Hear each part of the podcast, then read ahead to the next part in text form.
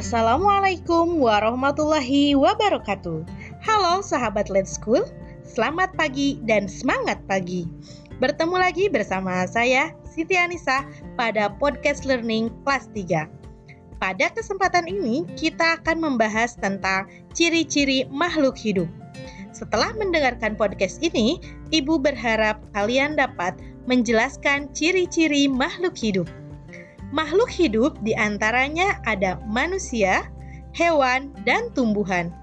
Makhluk hidup juga mempunyai ciri yaitu bergerak, bernapas, tumbuh kembang, berkembang biak, dan membutuhkan makan.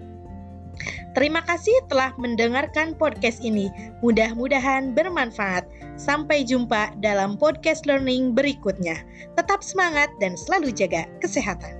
Wassalamualaikum warahmatullahi wabarakatuh.